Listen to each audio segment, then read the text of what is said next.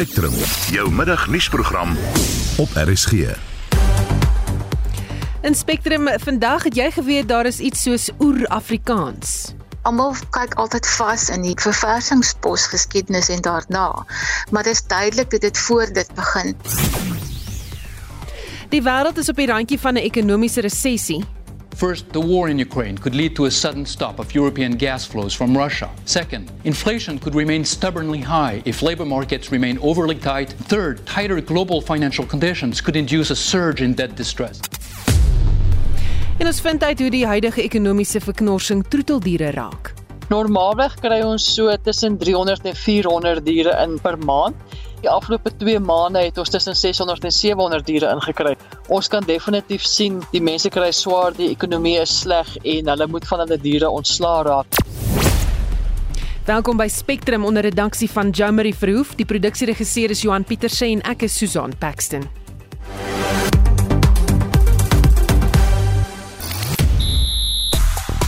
Riley Rousseau se terugkeer na die Proteas T20 spelersgroep ontlok heelwat vrae wat ons net na 12:30 sal uitpak. Die Proteas begin vandag al reeks teen Engeland in Bristol. Dis nou te voorbereiding vir die T20 Wêreldbeker wat later vanjaar in Australië plaasvind.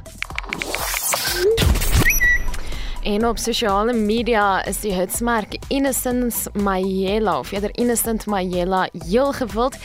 Die sokkerklub Orlando Pirates het bevestig dat hy nou die nuwe kaptein is, dis nou vir die 2022-2023 seisoen en steeds sokkernuus Unie geboue trek heelwat aandag in Engels Union Buildings.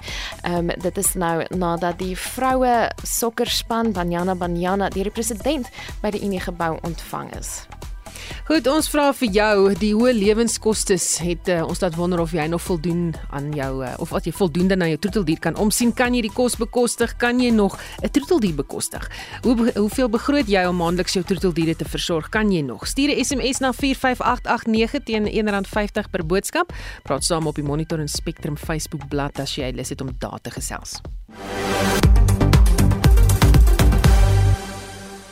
Nou 8 minute oor 12. Ons begin die program met ekonomiese nuus. En soos jy reeds vroeër gehoor het, het die internasionale monetaire fonds gewaarsku dat die wêreld op die rand van die ergste resessie in 50 jaar is.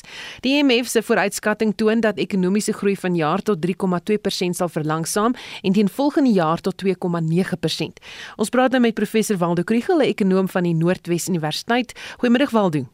Goeiemôre Susan. So wat is die redes wat die IMF aanvoer vir hierdie resessie? Daar is 'n hele paar faktore wat die wêreldekonomie laat stadiger groei. Die een is die Chinese ekonomie wat baie stadiger groei. Hulle volg nog steeds 'n zero COVID beleid wat eintlik maar beteken hulle kom nie altyd by die werk en by die winkels uit soos wat ons gewoond is nie. En in die tweede kwartaal het hulle met net 0,4% gegroei, wat baie laag is vir China. Hulle het ook moeilikheid in hulle eiendomsmark en hulle verbruikersvertroue het baie skerp gedaal. Die, ander is natuurlik die oorlog in Oekraïne uh, waar die pryse van olie en voedselkommoditeite skerp laat styg het. En dit beteken daar's nou wêreldwyd inflasie druk en sentrale banke reageer nou op dit. Deur rentekoerse te verhoog. En altesaam beteken dit dat, dat daar's nou minder besteding en dit gaan die groei so verlangsaam soos verwag dit is die eerste keer in 50 jaar wat die hele wêreld so geraak word by vorige geleenthede het die Chinese ekonomie daarom aanhou groei terwyl ander weer gekrimp het, maar ja, vandag word almal geraak. Hmm. Hoe naby is ons aan hierdie resessie? Uh, in Suid-Afrika die die IMF se vooruitsigte is amper optimisties. Uh, hulle voorspel vir ons 'n ekonomiese groeikoers van 2,3% hierdie jaar maar dan stadiger groei volgende jaar van 1,9%. So dit is nou nog nie 'n ware inkrimping van die bruto binnelandse produk nie, maar dit is dan stadiger groei volgende jaar. So wat moet gedoen word om dit te vermy? Ons kan dit moeilik vermy. Hierdie internasionale skokke raak almal. Ek dink dit is slegte medisyne, maar as die Reserwebank aanhou om inflasie te beveg soos wat hulle doen met die repo koers, is dit vir die interim die beste ding wat ons kan doen. Uh, ons sien nou vanaand is die FSA het maak hulle 'n uh, aankondiging oor die Federale Reservebank se uitweenkoers en dit gaan nou weer ons beïnvloed en daar's nie veel wat ons kan doen nie, ons kan reageer. Hoe kan 'n individu homself verskans teen 'n resessie? Vir individue is dit moeilik. Aan die een kant dink ek gaan so resessie baie help uh, om die druk op uh, internasionale pryse te verlig. So daar is 'n kans dat die brandstofprys en voedselpryse bietjie kan afkom as die hele wêreld stadiger groei. Maar maar dit sny na die ander kant toe ook. Uh, boere wat nou die somerseisoen gaan afskop met baie hoë insetkoste. Uh, hulle teen die tyd wat hulle volgende jaar oes kan die pryse jou wat laer wees. So uh, vir die individu moet ons amper sê ons moet maar vasbyt uh, en kyk hoe hierdie groot storms uitspeel. Baie dankie. Dit was professor Waldo Kriegel, ekonom van die Noordwes Universiteit. Die ANC beleidskonferensie sal na verwagting môre begin en by Nasrek in Johannesburg gehou word. Dit ten spyte van werknemers wat nog nie hulle salarisse ontvang het nie, se teenkanting hieroor. Alle aanduidings is ook dat die konferensie gaan sorg vir warm debatte veral oor die opsy staan beleid. 'n Dosent in praktyk aan die College van Besigheid en Ekonomie aan Universiteit Johannesburg, professor Theo Venter verduidelik hoe die konferensie werk. Nasionale Uitvoerende Komitee verteenwoordig die hoogste besluitneming in die ANC tussen konferensies. Hulle kan besluite neem, maar dit moet dan by die konferensies moet dit um, geratifiseer of goedgekeur of finaal aanvaar word. En 'n beleidskonferensie is presies die plek waar jy nou deur hierdie dokument gaan en dokument voor my is 187 bladsye lank en jy moet dit voorberei en redigeer en byvoeg en wegmaak, wegneem sodat jy hierdie hele beleid kan aanvaar in Desember maand. Daarom gaan die bespreking rondom die opsystaan reël dink ek 'n baie belangrike deel van hierdie konferensie uitmaak. Ons moet onthou die beleidskonferensie, dit kom by mekaar verteenwoordigers van al die streke en die takke, nie so omvangryk soos die nasionale konferensie nie, miskien 'n derde daarvan. En hulle breek dan op in verskillende kommissies. Elke kommissie bespreek 'n aparte gedeelte van die dokument. En dan kom hulle weer by mekaar in 'n soort plenêre sessie. En ek dink dis by die plenêre sessies waar die hele storie oor uh, op sy staan baie ernstig bespreek gaan word. Is daar iets te lees in die feit dat die mense wat vir die op sy staan beleid is en die wat teen die beleid is uh, in definitiewe twee groepe, een vir Ramaphosa en een teen Ramaphosa verdeel is? Dit is 'n bietjie meer kompleks en genuanceerd, maar aan breë trekke is jy reg en uh, dis interessant as mense nou regtig kyk na radikale ekonomiese transformasie dan het Suid-Afrika gisterand 'n baie goeie voorbeeld daarvan gehad en dit is die president in sy aankondiging 'n totaal nuwe blaadjie oopgeslaan het rondom energieverskaffing en dit eintlik gedereguleer het in 'n groot mate. Hierdie gesprek gisterand was so omvangryk en so radikaal in my oë dat dit vergelyk kan word met die toespraak wat oud-minister Hendrik Skooman gemaak het baie baie jare gelede toe die taxi-industrie gedereguleer is. Toe hy gesê het nou kan julle almal vir julle gaan taksies koop, julle hoef nie meer in busse te ry nie. Dit is wat ons gisterand gehoor het. Ek weet daar's baie gepraat daaroor, die mense kyk na die detail en so aan, maar hier is 'n groot verandering. Dis natuurlik nie wat die radikale ekonomiese transformasie beleid van die ANC wil hê nie dit wil hê dat die ANC beleid moet nader aan die nasionale demokratiese revolusie beweeg om 'n nasionaal demokratiese samelewing te kry. Dis alles ideologiese terme. Maar in die praktyk wat ons sien is dat krisisse soos wat ons nou het verander hoe mense reageer en dis die groot krisis wat Suid-Afrika op die oomblik het terwyl die radikale ekonomiese transformasiegroep eintlik meer regeringsbeheer wil hê en minder deregulering. Dit was 'n dosent in praktyk aan die College van Besigheid en Ekonomie aan die Universiteit van Johannesburg, professor Theo Venter. Baie van Denel se werknemers beleef angs en depressie as gevolg van die voortsleepende finansiële probleme by Denel. Baie werknemers leef ook van hulle spaargeld of is in skuld gedompel weens die krisis. En dit beïnvloed mense se selfrespek en selfvertroue. Dis alles bevindinge van 'n nuwe navorsingsverslag deur Solidariteit oor die impak van die probleme by Denel op werknemers. Ons praat nou hieroor met Helgard Kronee, die adjunk hoofsekretaris van die openbare bedryf by Solidariteit. Goeiemôre Helgard. Goeiemôre. Hoekom so verslag saamstel? Man, ons het ehm um, deur helpende hand solidariteit helpende hand geweldig baie hulp gebied onder die nel werknemers ehm um, die laaste tyd. En ons was mense is nooit seker of jy op die regte manier na die werknemers kyk en presies wat die behoeftes is nie. En ons het gevoel dat dit nodig is vir ons om 'n goeie idee te kry van waar die spesifieke krisisareas is, moet ons kos gee, moet die mense help met berading, weet wat is die tipe maatskaplike hulp wat mense moet bied en daarom het ons hier met die verslag begin. Uh, maar die uitslae was van so aard dat ons gevoel het dat ons nie die verslag net interne gebruik en gebruik maar wat dit dit is ehm um, wat eintlik maar blootgelê word. Hm. Met wie het julle almal gepraat vir die navorsing?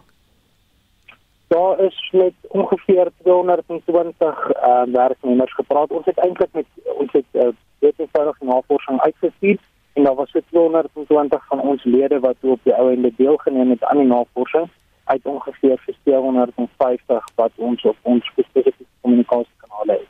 Hm. En wat sê hulle alles?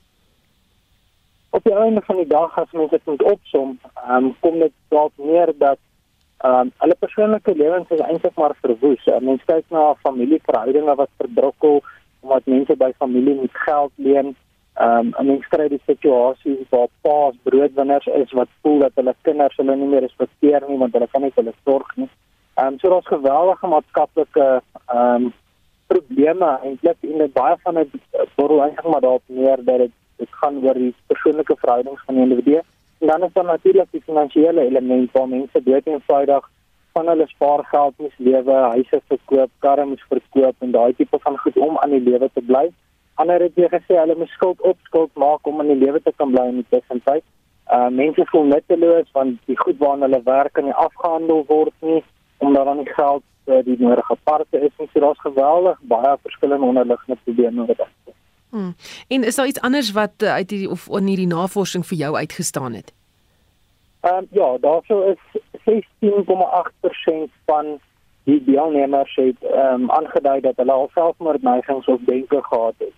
Ehm um, as mens dink dat dit uit 220 is, is dit omtrent 40 persone uit die 220. So dit wys ons net hoe geweldig diep die probleme is en hoe uitmergelend dit is met met as jy kyk na hoe lank dit nou al plaasvind in die hele die hele sage met die mel nou al voortduur. Uh, dit is 'n ongelooflike getal eintlik as ons daaroor kyk. Hmm. Het uh, julle enige verdere planne om die geld wat die werkers geskuld word terug te kry? Op hierdie stadium is ons plan om op die 3de Augustus voort te gaan met ons beslagleggings en en veilingsprosesse om um, uitvoering te gee aan ons hofbevele. En in tussentyd verwag ons dat die NEL potensieel hierdie week geld uit die surplusfonds gaan ontvang Ehm um, waar hulle wel ons lede se agterstallige skulde sal kan dek, maar ons gaan ons beplanning is dat ons die 30 Augustus sal voortgaan as daar iets in die interim gebeur, ehm um, dat ons lede se gelde wel betaal word, dan sal ons natuurlik nie daaroor wees. Julle vra nie opsomming van die verslag wie gaan verantwoordelik gehou word vir die emosionele skade wat hierdie mense ly. Gaan julle iemand laat verantwoording doen? Ons gaan definitief probeer. Ek dink ou moet altyd probeer om iemand verantwoording te laat doen, maar dit is 'n baie geldige vraag en 'n familielike vraag. Ehm um, kyk mense na die regering, ehm um, is dit hulle wat besluitloos was, kyk mense na die staatskapers, kyk jy na die raad wat in die laaste 2 jaar nie veel gedoen het om die situasie te te beredder nie. Ehm um, so daar's baie mense wat 'n rol speel en na wie mense vinger kan wys en dit maak dit 'n baie baie moeilike oefening om werklik te bepaal wie verantwoordelik is. Baie dankie, dit was eh, die adjunk hoofsekretaris van die openbare bedryf by Solidariteit Helgard Kronje. Buitelandse nuus volgens die jongste berigte op Reuters is sowat 15 mense insluitende 3 werknemers van die Verenigde Nasies tydens gewelddadige of eerder gewelddadige betogings teen die VN in die Kongolese stad Goma gedood. Ooggetuies sê die VN se vredesmag het twee betogers doodgeskiet. Betogers het klippe gegooi en VN-geboue aan die brand gesteek. Die betogers sê die vredesending MONUSCO waarvan sowat 800 Suid-Afrikaanse soldate deel is slaag nie daarin om burgerlikes teen gewapende rebelle te beskerm nie. Ons praat nou met die sekuriteitsspesialis Willem Els Wyshuis van die Instituut van Sekuriteitsstudies wat in Pretoria is. Goeiemôre Willem. Goeiemôre Susan.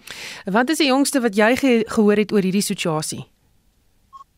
Ja, uh, Susan, uh, soos jy reg genoem het uh, in die DRK is dit 'n bietjie probleme. Uh die uh die VN kom onder druk uh as gevolg van uh verskeie redes. Ons sien dat die VN was daar uh, reeds betrokke in die DRK is so ver terug as 1990 99 ekskuus het hulle al begin ontplooi daar maar MONUSCO wat jy genoem het is al sedert 2010 wat hulle ontplooi is in daai streek. En natuurlik wat gebeur, die mense kry verskillende mandate uh, uh onder die VN en uh hierdie was 'n uitsonderlike mandaat want die mandaat was basies 'n offensiewe mandaat wat beteken dat hulle kan ook aanvalle loods om die dinge onder beheer te bring. Maar soos dit blyk uit die onrus wat daar op die oomblik is het die VN nie heeltemal geslaag in die mandaat wat aan hulle gegee is nie. So waar presies is hierdie betogers dan ongelukkig Uh, in die eerste plek as jy kyk na die uh, na die uh, demografiese uh, uh, uh, omgewing van die DRK daar in die in die in die, in die oostelike deel is baie ver van die van die hoofstad van Kinshasa. Dit is 'n ongelooflike groot land waar daar baie gebrekkige of uiters gebrekkige dienslewering is en uh, natuurlik uh, is daar nou 'n uh, ongelooflike uh minerale bronne wat ontgin word daar in meeste van dit gebeur op 'n onwettige wyse waar daar dan uh, ongeveer 120 uh militante groepe is wat opereer in die in die gebied. Party van hulle is groter en baie kleiner. Uh, ons sien dat van die groepe wat uh, wat wat uh, heidaglik redelik probleme veroorsaak is die en 23 wat vir lank uh, dormant was, maar hulle veroorsaak probleme natuurlik ook die die ADF wat wat uh, natuurlik geaffilieer is met ISIS en, en met ISIS en die uh, die groepe uh, maak die gebied onregeerbaar. Die mense word op 'n daaglikse basis aangeval. Daar was onlangs 'n uh, voertuigbom wat ook in Beni ontplof het, wat natuurlik die mense is moeg vir die geweld. Die VN het natuurlik die mandaat gekry om offensief op te tree, maar daar's verskeie uh, redes natuurlik hoekom hulle nie slaag in hulle mandaat nie. Die mense is ongelukkig want hulle voel dat die VN daar is maar hulle hulle voldoen nie aan die mandaat om hulle veilig te maak nie. Hmm. Die Suid-Afrikaanse weermag is ook betrokke by MONUSCO. Waar plaas dit hulle in hierdie geveg? Ja, dit is moeilik soos gesê dat uh, uh, daar is 'n redelike kontingent van die weermag daar. Ons het ook baie van ons ons uh, harde ware daar onder andere van die Rooivalk uh aanvalshelikopters wat ontplooi is daar. So daar's 'n redelike groot uh, uh deelname van Suid-Afrika daar wat hulle natuurlik ook onder druk sit want hulle word nou nie gesien as Suid-Afrika nie, hulle word gesien as die VN wat gefaal het in die mandaat om die mense veilig te maak. So hulle kom natuurlik nou ook onder skoot van die plaaslike mense af. Maar ons moet net onder onder die uh, aandag bring, jy weet, uh Uh die ding word aangevuur nie deur die ongelukkigheid van die mense nie, maar ook ons sien dat uh die die senaat uh, se voorsitter het op 15 Julie in in in Goma gesê dat uh, MONUSCO met hulle hulle hulle sakke pak en loop. So dit kom ook van regeringskant af waar daar ongelukkigheid is en dit natuurlik die ongelukkigheid van die mense aangevuur het waar daartoe gelei het na die mense se se uh, aanval op die uh, VN uh, geboue en en kamp. Baie dankie. Dit was die sekuriteitsspesialis Willem Els, hy's van die Instituut vir Sekuriteitsstudies. Hy staan in Dar es Salaam. Die Afrikaanse Taalmonument se jongste uitstalling plaas die klem op Oer-Afrikaans. Baie mense dink die taal het eers van 1652 af begin ontwikkel toe die Nederlanders aan wal gedreë het, maar Lenay Forsie berig egter die eerste fase van Afrikaans het reeds in 1595 begin. Die kurator van die Afrikaanse Taalmonument, Chantal de Kok, sê die taal se eerste tree is geneem tydens die Cocoon Gemeenskappe se veehandel met Europese reisigers. Professor van Rensburg het in 2016 in Klein Willem het hy gevra watter woorde is Afrikaanse eerste woorde. Dit was woorde wat sy sprekers in ruiltransaksies gebruik het. En die woorde van 'n taal is nie almal ewe oud nie. So woorde het hulle eie geskiedenis, hulle eie maats, maar die woorde van die ruiltransaksies is ouer as ander.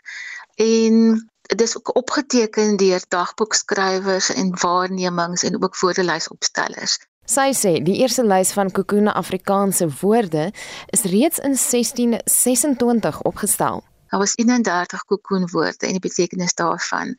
En later in 1655 het die goewerneur van Madagaskar 'n tyd gebly in die omgewing van Saldanha Bay op 'n skip en daar het hy 'n lys van 221 woorde opgestel met ook die Franse vertalings by. En dit is baie interessant. Jy kan ook Nederlands staan herken, voorbeeld soos kers en kus en knoop, koring, tou.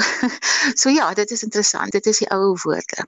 Behalwe vir die woorde, is daar nog verskeie ander wat deel geword het van die hedendaagse Afrikaans. Ons praat almal nog van tagga.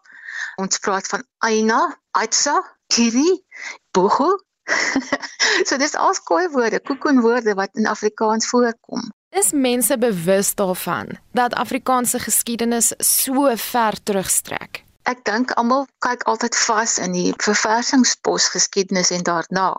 Maar dit is duidelik dat dit voor dit begin met die handelstransaksies. So dis 'n gedeelte van die geskiedenis. Inderdaad, dit is ons nou besig met ons volgende uitstalling wat ons gaan opsit so oor 3 maande, ook in die Groen Galery waar hierdie uitgestal word en dit gaan oor die invloed van slawe op se tale op Afrikaans. Want Afrikaans het nog 'n inset gekry vanaf 1658 toe die slawe periode aangebreek het hier in die Kaap. Dit was die kurator van die Afrikaanse Taalmonument, Chantal de Kok. Inwoners van Makassar in die Wes-Kaap was bekommerd nadat 'n voorwerp wat soos 'n bom lyk op die strand opgetel is. Die feit dat die wapenvervaardiger Denel langs die strand werksaam is, het die gemoedere op hol gehad. Die wijkraadslid Pieter Helfrich het egter ondersoek ingestel en het aan Marlenae Forsie gesê daar's geen rede tot kommer nie. Hulle het my laat weet dat hulle kundig is die foto's van die ammunisie wat op Makassar strand gevind was met keurig bestudeer het en hulle het met my meegedeel dat hulle met absolute sekerheid kan bevestig dat RDM hierdie produk nog nooit gemaak het nie. Dit is nie hulle produk nie. Hy sê kinders van Rheinmetall Denel vervaardigers het die voorwerp geïdentifiseer as 'n ou traanrookgranaat wat deur 'n vuurwapen afgevuur word. Volgens hulle was die item eintlik op die strand gevind want in die verlede was hierdie tipe item op baie oop ruimtes so strande getoets, maar dit sal ons nou bevestig word deur die Suid-Afrikaanse polisie Hulle het ook bevestig dat hulle kundiges beskikbaar is om die Suid-Afrikaanse Polisie Diens moontlik te help uh, met addisionele inligting as hulle dit nodig. Die granaat is nou by die polisie wat die versekering gegee het dat daar nie rede tot kommer is nie. Ons wag nou vir hulle en dan ook die plofstofeenheid om vir ons 'n formele terugvoering te gee om vir ons te sê waar vanaf kom dit en hoe dit op die strand beland het en of ons dan nou moet uitkyk of daar nog sulke items op die strand sal wees. Maar dan ook baie belangrik of dit gevaar inhou vir die residents.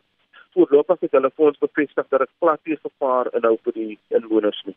Dit was 'n wijkraadslid in Makassar, Kaapstad, Pieter Halfrich. Jy luister na Spectrum. Op RSG.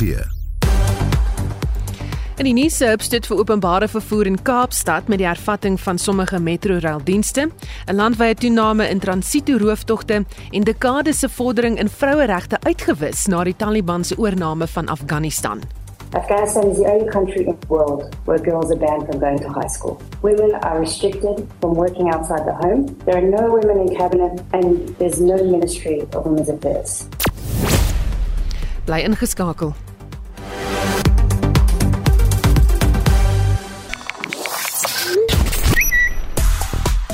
En op sosiale media word daar steeds gegons oor die Orlando Pirates kaptein Innocent Mayela. Mense is baie opgewonde daaroor. Maar die sokkerspan se agterspeler, Paseko Mako, trek ook heelwat aandag. Hy's terug na 'n besering vroeër die jaar. Ons luisteraarsvraag vandag is die hoë lewensonkoste het ons laat wonder of jy nog eh, kan voldoende na jou troeteldiere omsien. Op Facebook sê Daleen van Heerden, ons het nie 'n begroting wat ons troeteldiere behels nie want hulle is ons hartklop. Elsie Maree sê ons begroot R2000 sonder veeartskoste. Dis as veeartse net so duur en dalk duurder as doktersbesoeke. Dan uh, Marie Kriegeburger sê ek het my troeteldiere soos wat hulle honde en katte hemel toe is nie weer vervang nie want veral veeartsonkoste raak buitensporig en as 'n mens pensionaris is, wie gaan na daardie die diere omsien as iets met jou gebeur. Dis maar 'n alleen bestaan, maar kan nie my nasate met troeteldiere ook opsaal nie. Koos van der Merwe sê ek het 20 kapokkies en ek koop elke maand 50 kg gemengde mielies. Ek is mal oor kapokkies en hulle kry 3 keer per dag kos. Hy sê nie of hy dit uh, sukkel om dit te bekostig nie, maar dit klink vir my die genot wat hy kry daaruit uh, maak dit vir hom moeite werd. Ek sien op die SMS lyn gesels almal ook flink saam. Um, ek het 'n Pekingese vierbeen kind, sy eet net hoender en weier om hondekos te eet. Gelukkig eet ek nie vleis nie, so ek kan nog bekostig om vir haar die hoender te koop. So iemand wat 'n plan gemaak het. Daardie kan steeds saamgesels 45889 of op die Monitor en uh, Spectrum Facebook bladsy. In sport vanmiddag Riley Rousseau se terugkeer na die Protea manspelersgroep ontketen heelwat vrae oor hoe die manspan vir die T20 Wêreldbeker wat later vanjaar in Australië plaasvind gaan lyk en 'n uh, kollega Oudo Karelse sluit nou by my aan om verder hieroor te praat. Goeiemiddag Oudo. Middag Susan. Hoekom verdien die verkiesing of seleksie van Rousseau 'n bietjie van 'n indiepte fokus? Maar kyk, hierdie man het sy debuut gemaak in 2014 en oor 'n periode van so 2 jaar meer as 1500 internasionale lopies aangeteken, meestal as aanvangskolwer in eendag en T20 wedstryde.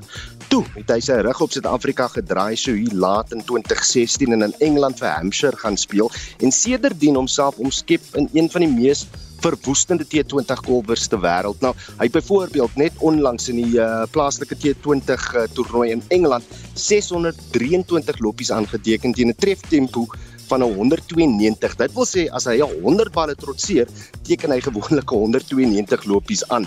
Dis hoe goed hy is.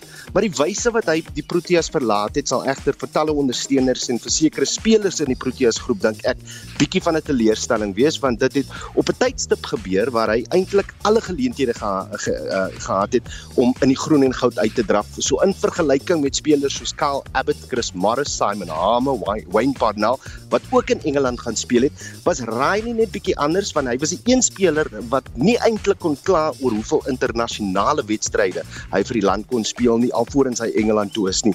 So die feit dat hy in die spelersgroep is sê vir my Susan Cricket Suid-Afrika gaan alles probeer doen om die wêreldbeker te wen en alle talent tot hulle beskikking gebruik om die doel te verwesenlik en dit kan in sigself nie 'n slegte ding wees nie. Hmm. Temba Bavuma is as kaptein van die eendag en T20 span aangewys maar hy staan beseer. Is hy egter die beste persoon vir hierdie pos? Moeilike vraag want want Temba is vir my een van die eerste spelers wat jy in jou toetsspan en miskien ook in jou eendagspan sal hê As dit kom by T20 wedstryde is daar vir my net bietjie van 'n beperking in die rol wat hy kan speel. In my mening is is die een plek waar hy wel sy beste bydrae kan lewer in T20 cricket as aanvangskolwer.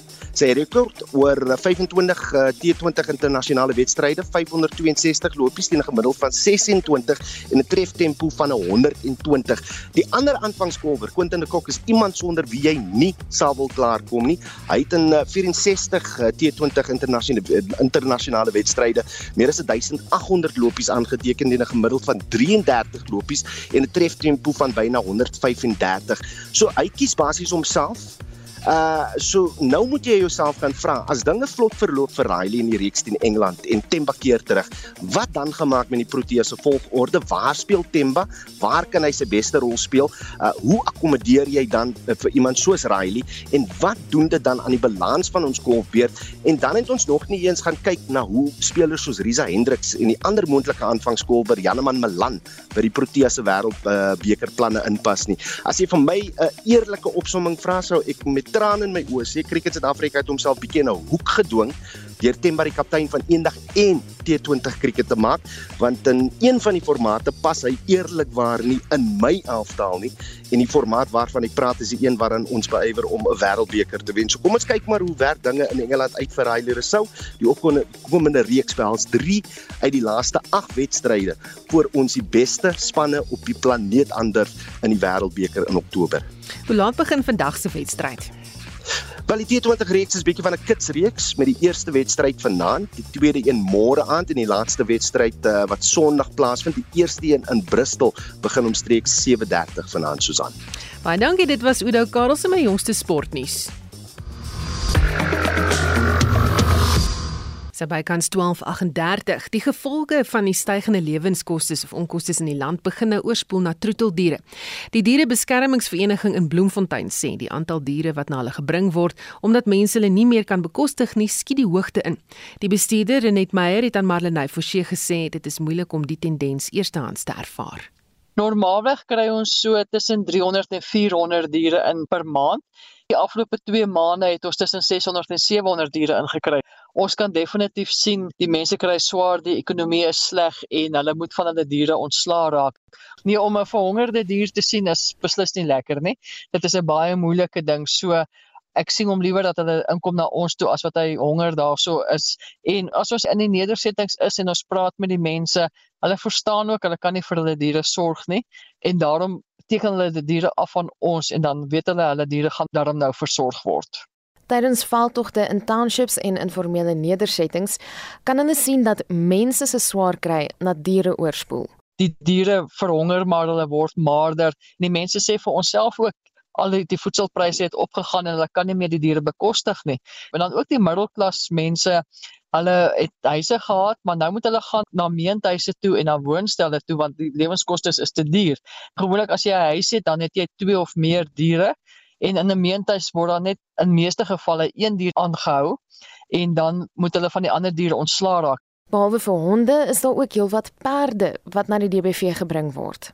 'n Perd se kostes is baie hoër as die van 'n hond of 'n kat, want 'n perd eet 24 ure 'n dag as hy sy oë oopmaak begin hy te eet. So ons kry ook gevalle van perde in en ook nou dit is winterstyd en hulle moet meer voer kry. So op perde kom ook baie meer in. Die DBV in Bloemfontein spandeer maandeliks tussen 40 en 50 000 rand om na die diere daar om te sien. Meyer beklemtoon dat voornemende troeteldier eienaars veral nou moet begroot voordat hulle troeteldiere aanskaf om hom te laat in en sy drie inentings as jy hom nou kry van 'n klein pappie af. Die sterilisasie kan jou maklik 2 na 3000 rand uit die sak uit jaag. Ook sy maandelikse onkoste om hom kos te gee. Ag ongelukkige gebeur net soos 'n kind word 'n dier ook siek, hy moet veearts toe gaan. So dis 'n geweldige groot uitgawe wat ons het jy kan omtrent sien as dit 'n klein rashondjie is wat se kos hy gaan eet, as dit 'n groot rashond wat se kos hy gaan eet. En dan kry jy ook jou meer as ek kan sê pieperige tipe hondjies wat spesifieke soorte kos gaan eet wat jy net by 'n veearts kan koop. Gaan doen eers al jou navorsing voor jy daai taak aanpak want dit is vir 'n lang tydperk. Dit is 12 tot 15 tot 19 jaar wat jy daai diertjie gaan hou en mens moet begroot vir die volle tydperk Dit was die DBV in Bloemfontein se bestuurder Renet Meyer. Daar is diegene wat wanneer die geld min raak, minder voedsame kos aan hul diere gee soos brood of pap, maar Meyer waarsku dat dit die dier se gesondheid nadelig kan beïnvloed. Nou openbare vervoer vir inwoners van Kaapstad het 'n hupstoot gekry met die gedeeltelike hervatting van dienste op Metrorail se sentrale lyn tussen Kaapstad en Langa.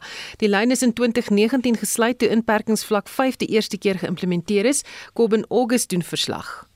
Die gedeeltelike heropening van die sentrale treinlyn in Kaapstad sal dit vir inwoners moontlik maak om weer die trein te gebruik om tussen Kaapstad en Langa, sowel as tussen Langa en Bellville te reis. Een van die groot uitdagings wat die lyn se heropening vertraag het, was die hervestiging van inwoners wat op die treinspoor by Langa gewoon het. Sommige infrastruktuur langs die lyn moes ook herbou word weens vandalisme wat plaasgevind het terwyl die lyn gesluit was. Fikile Mbalula, minister van vervoer, sê sy departement werk saam met verskeie belanghebbendes om te verseker dat die lyn teen November ten volle in werking sal wees. You can see the work that has been done.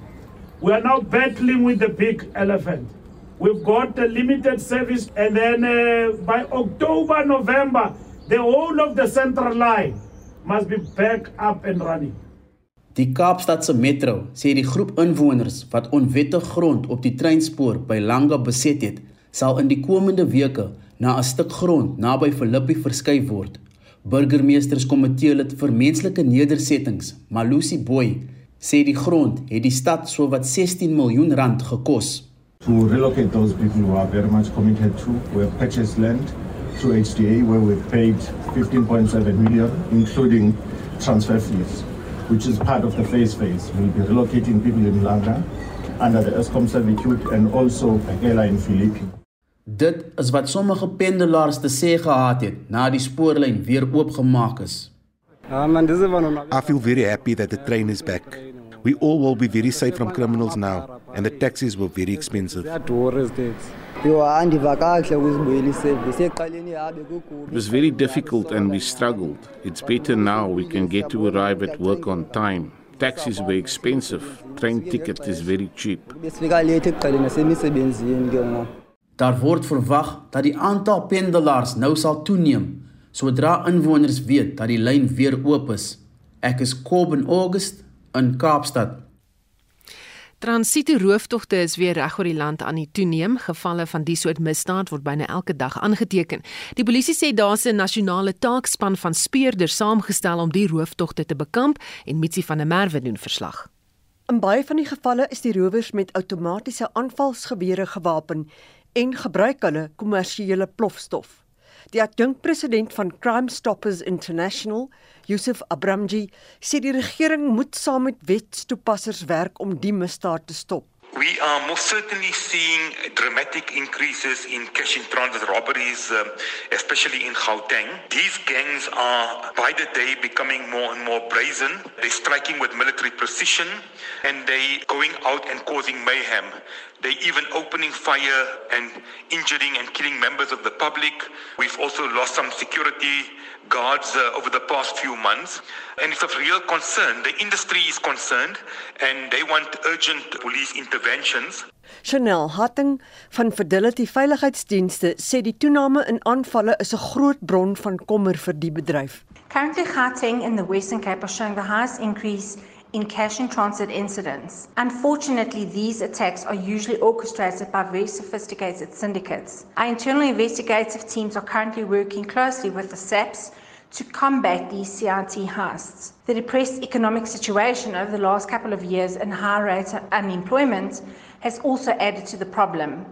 Navorsing wys meeste van die aanvalle word deur enkele misdaadsyndikaate gepleeg wat nasionaal werk en deur 'n sogenaamde meesterbrein aangevoer word.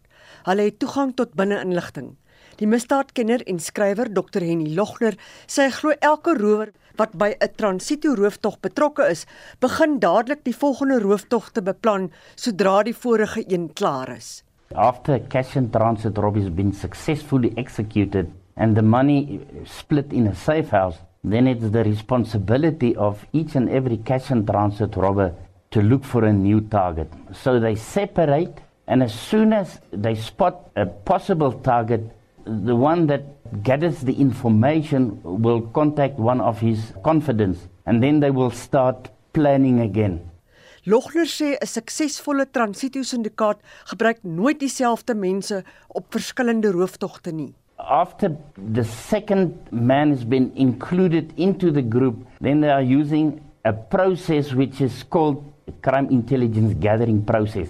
Then they start gathering information in the pre-planning phase. In the pre-planning phase, they are selecting the cash and transit robbers for the next cash and transit robbery, which means they will screen the people that's been recruited Die nasionale polisiewoordvoerder Brenda Moridli sê 'n spesiale taakspan is saamgestel om transito-rowers te teiken.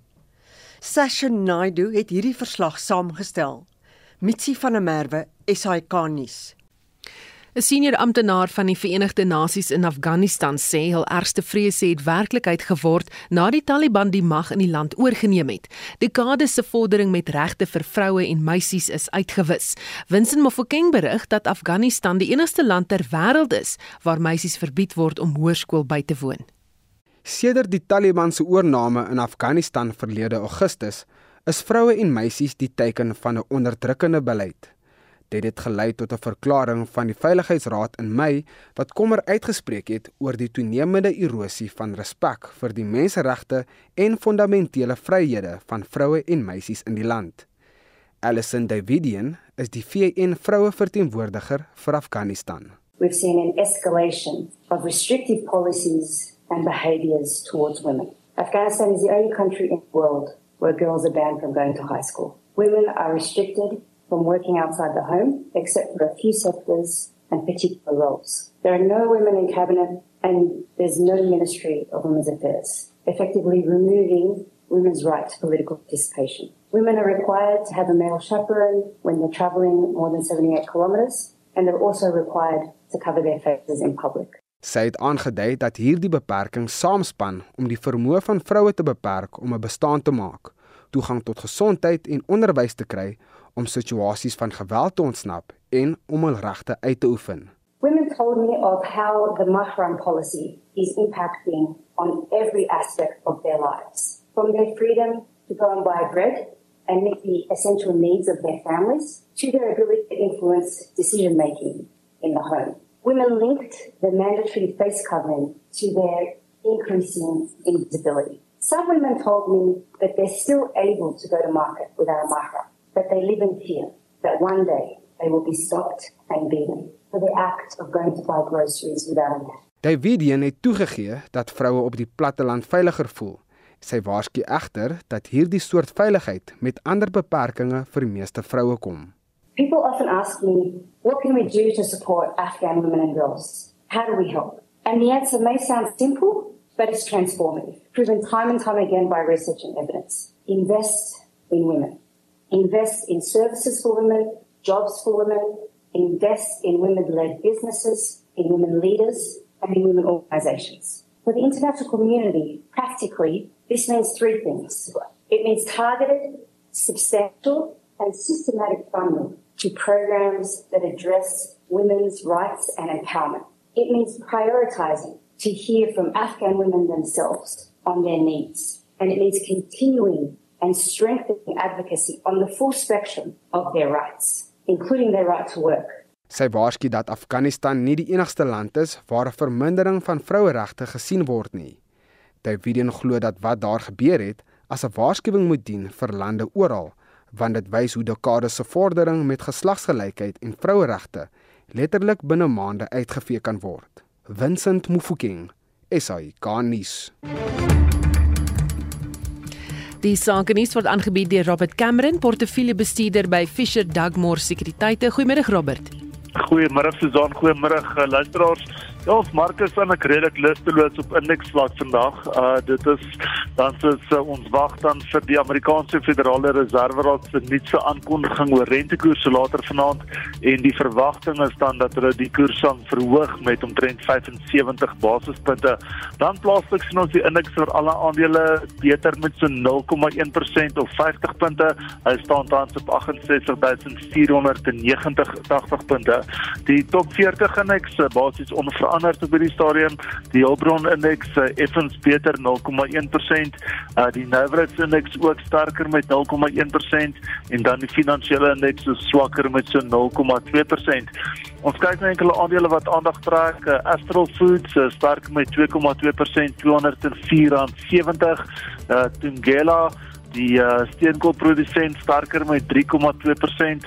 Hy is op uh, R280 dan Kumba Eysterarts uh, beter met 2,1% R468 en dan Naspers se uh, laastens verloor se 2% hy is op hierdie stadium R2500 per aandeel die uh, rand is effens sterker vandag uh, R16.68 teenoor die uh, skiet tog R16.86 teenoor die Amerikaanse dollar R17.12 teenoor die euro en 'n Britse pond kos jou tans R20.35 Kommoditeite, die goudprys uh, 1722 dollar per fyn ons. Die platinumprys uh, 881 dollar dan die Brent-olieprys op hierdie stadium 104 dollar 40 per vatjie. Uh internasionaal sien ons oornag die Dow Jones se 0,7% verloor. Die Hang Seng vroeër vanoggend gesluit uh, in die rooi met 1,1%. Uh die groot Europese markte vandag agter sterker die FTSE 100 in Londen verbeter 0,6%, die DAX in Frankfurt sterker met 0,3% en die CAC 40 in Parys is sterker met 0,5%. Baie dankie, dis einde van vandag se sake nuus. En dit was Robert Cameron, portefeuljebestuurder by Fisher Dugmore Sekuriteite. Die publiek het nou kans om kommentaar te lewer op die voorgestelde biodiversiteitsbestuursplan vir die Brilpikkewyne. Die bestuursplan fokus veral op toeganklikheid van voedselbronne vir die pikkewyne. Die Brilpikkewyne is hoogs bedreig en kenners voorspel dat die spesies binne die volgende 20 tot 30 jaar heeltemal kan verdwyn. Die woordvoerder vir die Departement van Bosbou, Visserye en Omgewingsake, Albi Modisi sê, hoewel van die planne reeds sedert 2013 geïmplementeer word, daal die pikkewyngetalle steeds. This once most abundant South African seabird suffered a massive reduction from over 1 million pairs in 1920s to present population numbers of just over 10,400 pairs in 2021. It is currently classified by the IUCN and the Threatened or Protected Marine Species Regulations under the Biodiversity Management Act. The aim of the 2013 African Penguin Management Plan was to halt the decline of the African penguin population in South Africa within two years of the implementation of the management plan, and thereafter achieve a population growth which will result in the downlisting of the species in terms of the status of the IUCN red list of threatened species. Despite many successful implementation of many of the actions listed in the plan, this had not been achieved, and the African penguin continues to suffer decline, although at a slower rate. The draft plan put out for public comment seeks to reverse this challenge and see the growth of the African penguin population.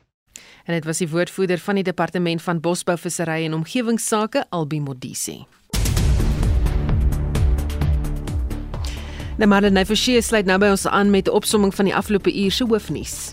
Die internasionale monetaire fonds waarsku dat die wêreld op die randjie van die ergste resessie in 50 jaar is, maar hoe naby is ons in Suid-Afrika hieraan? Professor Waldo Kriegel, ekonom van die Noordwes Universiteit, het so geantwoord. In Suid-Afrika, die IMF se vooruitsigte is amper optimisties. Hulle voorspel vir ons 'n ekonomiese groeikoers van 2,3% hierdie jaar, maar dan stadiger groei volgende jaar van 1,9%. So dit is nou nog nie 'n ware inkrimping van die bruto binnelandse produk nie, maar dit is dan stadiger groei volgende jaar. Intussen gee mense toenemend tot troeteldiere weg weens stygende lewenskoste. Die DBV bestuurder in Bloemfontein Renet Meyer sê hulle word oorval. Normaalweg kry ons so tussen 300 en 400 diere in per maand. Die afgelope 2 maande het ons tussen 600 en 700 diere ingekry. Ons kan definitief sien die mense kry swaar, die ekonomie is sleg en hulle moet van hulle diere ontslaa raak. En werknemers van die wapenvervaardiger Denel leef met angs en depressie oor die voortsleepende finansiële probleme by die wapenvervaardiger Algard Cronje, die adjunk hoofsekretaris van openbare bedryf by Solidariteit hulle persoonlike lewens is eintlik maar verwoes. Mense kyk na familieverhoudinge wat verdrukkel omdat mense by familie moet geld leen. En mense kry die situasie waar paas broodwinners is wat voel dat hulle kinders hulle nie meer respekteer nie want hulle kan nie vir hulle sorg nie. En dan is daar natuurlik die finansiële element waar mense dood eenvoudig van hulle spaargeld moet lewe, huise verkoop, karre moet verkoop en daai tipe van goed om aan die lewe te bly. En dan nuus uit die buiteland, minstens 15 mense, insluitend 3 werknemers van die VN, is tydens gewelddadige betogings teen die organisasie in die Kongolese stad Goma dood. Betogers sê die vredesending MONUSCO slaag nie daarin om burgerlikes teen gewapende rebelle te beskerm nie. 800 Suid-Afrikaanse soldate is deel van die mag. So waar pas hulle in?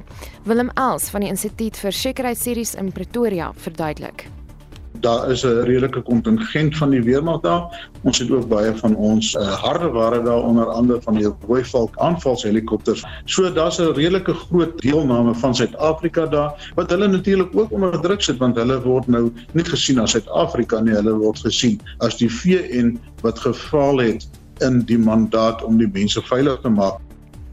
Dan in brandpunt vanmiddag om kwart voor 6 fokus die span op die DA se ingryping om die parlement weer aan die gang te kry en die jeug in Oekraïne ruim geboue op in plek daarvan om nagklubs te besoek. So as dit jou nuuskierigheid prikkel, kwart voor 6 vanmiddag, dan in monitor môre tussen 6 en 7 berig die span oor die ANC se beleidsvoorstelle om die ekonomie te herstel en meer mense oorweeg dit om hulle geld in stokvelle te belê. Een van hulle laat weet ons. Baie dankie, dit was Marlene Forsie met 'n opsomming van die afgelope uur se hoofnuus. Ons het gesels oor hoe duur dit is om troeteldiere te hê. Iemand wat sê in die ou dae moes jy honde lisensies ook hê en hernie. Miskien is dit 'n goeie idee as mens mense moet goedkeur om eers 'n hond te hê. Dan sien nog 'n luisteraar wat sê ek het 5 Rottweilers, koop 120 kg se hondekos per maand. Een klein hondjie.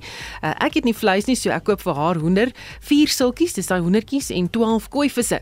Uh, kan nie my lewe indink sonder dit nie. Hulle is my kinders, sal my laaste sent op hulle spandeer is Jolanda wat dit vir ons uh, laat weet het. En nog iemand wat sê uh, my viervoetige kind is nou al 6 weke lank weg. Uh, die persoon sê die hond is uh, dood. Ehm um, en sy het eers geëet, dan het ek geëet en sy het geëet pellets pap en dan uh, daardie uh, vleisies wat hulle so vir die diere gee. En uh, nog iemand wat sê ek het twee worsies, een jokkie, kos R900, medies 850 vir die twee jongeres en R900 kroniese medikasie vir die oudste worshond. Dan is daar die wat medies nie betaal wat nie kan bykom nie, moes ook R2000 per, per ja, betaal vir 'n rugoperasie en een nekoperasie opdak opdok omdat 'n ouer een nie op die medies was nie, dis nou die honde. So dis duur om 'n troeteldier aan te hou. Dankie dat jy saamgesels het daaroor en jou gedagtes gedeel het. Ons groet namens ons uitvoerende regisseur Nicoline de Wee, die redakteur Jomery Verhoef en produksieregisseur Johan Pieterse. Ek is Susan Paxton, bly ingeskakel vir 360.